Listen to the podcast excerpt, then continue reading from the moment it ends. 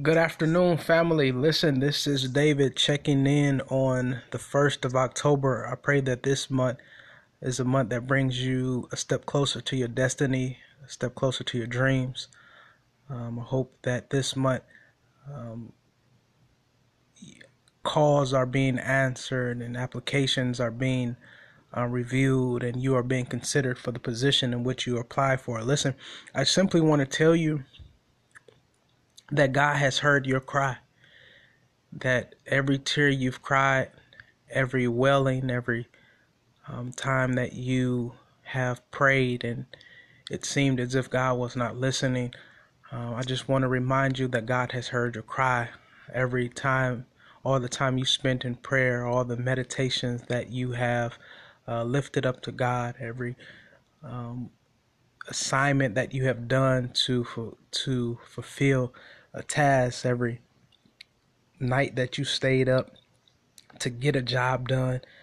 All of that has not been in vain, and I simply want to remind you that God has heard your cry. Oftentimes, we communicate uh, to God, the higher being, and it seems as if God is deaf. It seems as if God is not uh, coherent to what we're speaking of. It seems as if God has transcended and and uh, and is not concerned with our circumstances and the things in which we're dealing with. And I want to tell you that it's not that. Um, it's not God is not that God is not concerned because God is concerned with His creation. God is concerned with His children. Um, it's some things that we are going through that are essential for us to go through, and it's a part of the process. That if we are to reach the destiny, if we are to reach that destination, and those dreams, there's some things in which we have to go through that we can't skip over. We can't go around. We have to endure those moments where it feels as if no one is listening and and we have to go through moments of despair when you look in the mirror and you have concluded that uh, where you are is an uncomfortable place and it is not a place that you are inviting into your presence but sometimes you have to go through those moments um, because there are character building moments and moments where God is building up your character, your integrity, um, your faith. And um, yes, we endure bondage. Yes, we endure suffering, despair, doubt, and we uh, go through those moments. And yes, they're uncomfortable and it causes us to question our relationships with God and people around us. It causes us to um, question our existence. Why me? And it, we ask those questions looking for answers. We we we we ask those questions to the point where they have uh, an emotional take emotional toll on our bodies, and those emotions cause us to cry tears, and those tears cry us to sleep, and and, and those tears soak the pillow, and all of those things.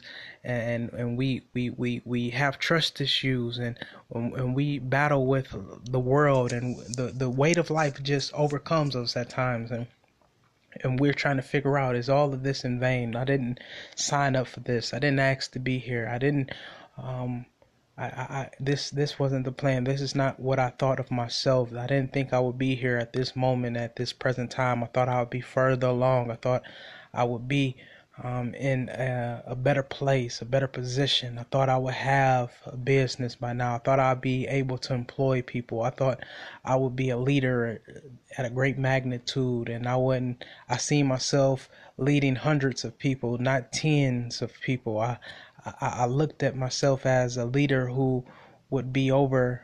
Um, you know, educated people. I didn't think that I would be in this position where I I would be looking and questioning where I am. And I thought I would come in and see overflow, but yet I see dwindling numbers.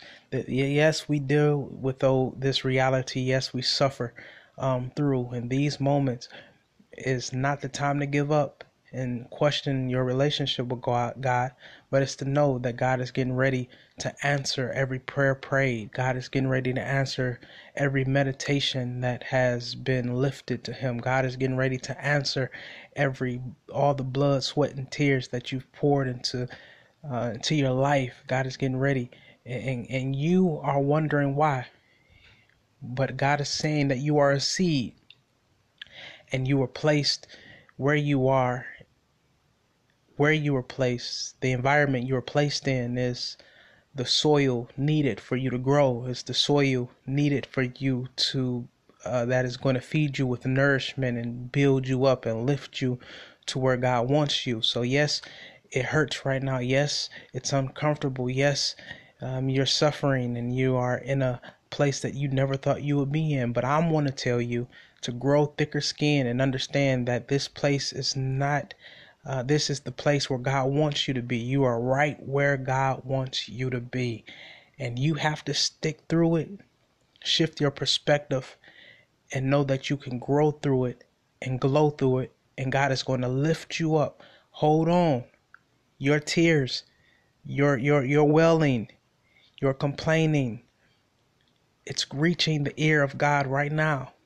And God is working behind the scenes to manifest and to um, rearrange and organize the stage and for for you to receive all that God has for you. Listen, I want you to believe that. Know that God has heard your cry. All right, peace. Go in love.